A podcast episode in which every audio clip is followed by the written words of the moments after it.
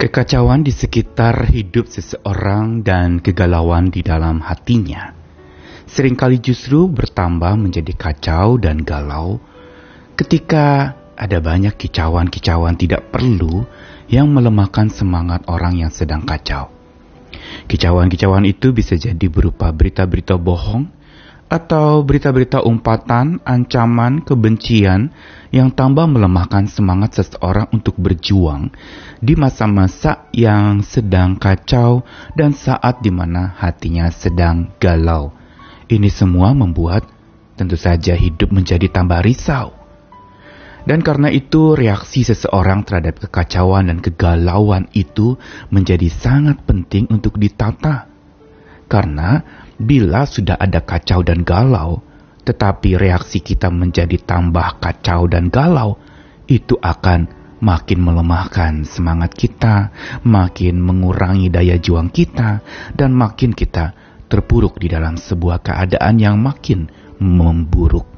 Karena itu, kita perlu belajar untuk supaya dalam gaduhnya hidup kita perlu tenang, mengaduk kepada Tuhan, menenangkan diri di hadapan Tuhan, dan mempercayakan segala sesuatunya kepada Tuhan. Karena dialah yang bertindak tanpa kicauan dan ceracau.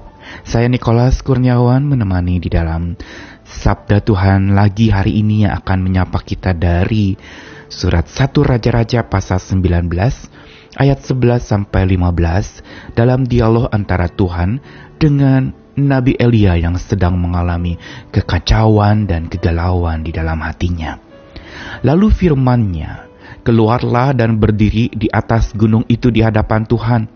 Maka Tuhan lalu, angin besar dan kuat yang membelah gunung-gunung, dan memecahkan bukit-bukit batu, mendahului Tuhan.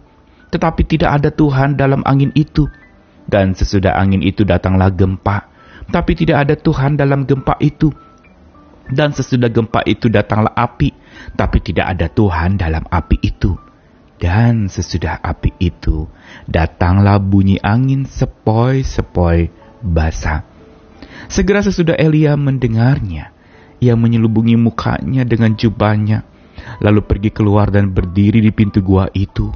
Maka datanglah suara kepadanya yang berbunyi, Apakah kerjamu di sini, hai Elia?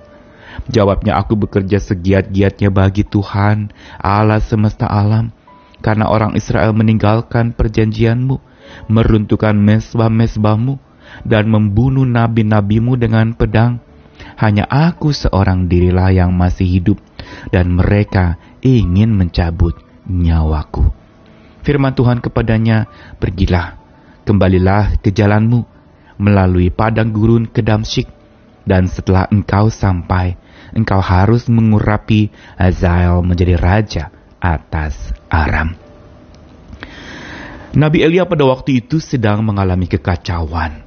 Padahal sebelumnya dia melakukan sebuah demonstrasi kuasa Allah melawan dewa-dewa Baal pada waktu itu dan tentu saja kemenangan menyertai dia. Kuasa Tuhan dinyatakan. Dan seperti sebuah kebaktian kebangunan rohani di bukit itu, maka Elia melihat dan menyaksikan karya Allah yang luar biasa, yang berkilau sangat dahsyat. Tapi tak lama kemudian, Elia mendapatkan ancaman dari seorang perempuan, seorang ratu yang mengancam nyawanya. Dan di situlah dia justru menjadi hancur hati. Di situlah dia justru mengalami betapa kacaunya, galaunya, hidupnya. Tambah risaulah dia. Dan di sinilah cara Tuhan menyapa Elia. Berbeda dengan Tuhan menyapa Ayub yang dikatakan Tuhan bicara dari tengah badai yang keras, maka kali ini justru Tuhan mendemonstrasikan Bunyi-bunyi angin besar yang kuat membelah gunung, memecahkan bukit batu, mendahului Tuhan, tapi dikatakan tidak ada Tuhan dalam angin dahsyat itu. Lalu ada gempa, tapi tidak ada Tuhan dalam gempa itu. Lalu ada api, tapi tidak ada Tuhan dalam api itu. Dan baru datang bunyi angin sepoi-sepoi basah. Mengapa Tuhan memperlihatkan peristiwa ini? Angin besar dan kuat yang membelah gunung dan memecahkan bukit batu. Lalu kemudian ada gempa yang juga melanda. Ada api yang juga menyerang, tapi ditutup dengan angin sepoi-sepoi basah. Kali ini tidak seperti kepada Ayub. Tuhan berbicara kepada Elia justru di dalam bunyi angin sepoi-sepoi basah. Kenapa? Ada penafsir yang mengatakan bahwa Elia sedang kacau. Hatinya seperti dilanda angin besar yang kuat yang membelah gunung-gunung dan memecahkan bukit batu, menghancurkan semangatnya, membuat dia merasa tidak berarti dan dia merasa ingin mati saja. Lalu juga dia menerima tentang goncangan iman yang dia alami, seperti gempa yang menggoncangkan hatinya. Lalu ada api yang membakarnya, yang seolah menghanguskan dia. Setelah demonstrasi kuasa yang dia peragakan dari Tuhan, kali ini dia merasa dia seperti dibakar oleh kata-kata manusia yang mengacaukan hatinya. Sehingga lalu Tuhan justru memperagakan bunyi angin sepoi-sepoi basah. Dan ini cara Tuhan menenangkan Elia. Tuhan datang justru memenangkan dan menenangkan Elia lewat angin sepoi-sepoi. Bukan menenang bobokan dengan angin sepoi-sepoi itu, tapi justru menenangkan hatinya menyadarkan bahwa Tuhan bertindak tidak lewat gaduh dan betapa kerasnya tantangan hidup yang ada di luar seseorang atau betapa kacaunya dan betapa galaunya hati seseorang. Tetapi Tuhan bertindak dengan tenang. Dia tanpa kicauan atau ungkapan-ungkapan yang tanpa arti. Dia juga tanpa ceracau asal bunyi saja. Tapi dia lewat angin sepoi-sepoi basah yang menggambarkan Tuhan menaruhkan ketenangan. Tak banyak bicara. Dalam diam dia bertindak. Dalam senyap dia justru ingin segala pergumulan manusia lenyap. Inilah cara Tuhan yang ajaib. Sampai terjadi dialog antara Tuhan dengan Elia. Dan akhirnya kita lihat bagaimana Elia diberikan jalan keluar oleh Tuhan untuk kembali ke jalannya, untuk melalui padang gurun ke Damsyik, dan lalu kemudian dia dikuatkan lagi untuk menapaki jalan hidupnya. Apa yang kita pelajari dari kisah ini? Tuhan ingin mengajarkan kita bahwa kacau di sekitar hidup kita dan galau di dalam jiwa dan hati kita memang membuat jiwa kita dan hidup kita risau. Tapi itu hanya seketika.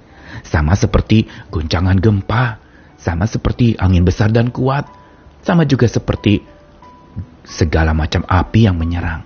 Semua itu hanya seketika.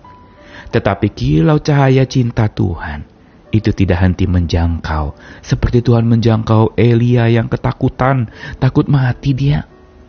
Dan cahaya cinta Tuhan juga memantau. Dia tidak membiarkan Elia dalam segala macam ketakutannya. Tuhan memantau, Tuhan mengawasi. Dan bukan itu saja. Bukan saja menjangkau dan memantau, Tuhan juga menghalau segala macam gelisah yang ada di dalam diri manusia.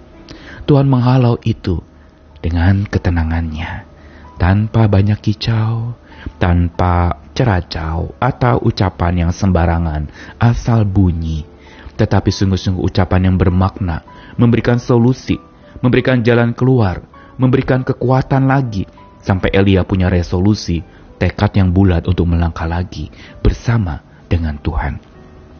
Mari sandari Tuhan saat segalanya serba kacau, saat hati sedang galau, saat jiwa sedang risau.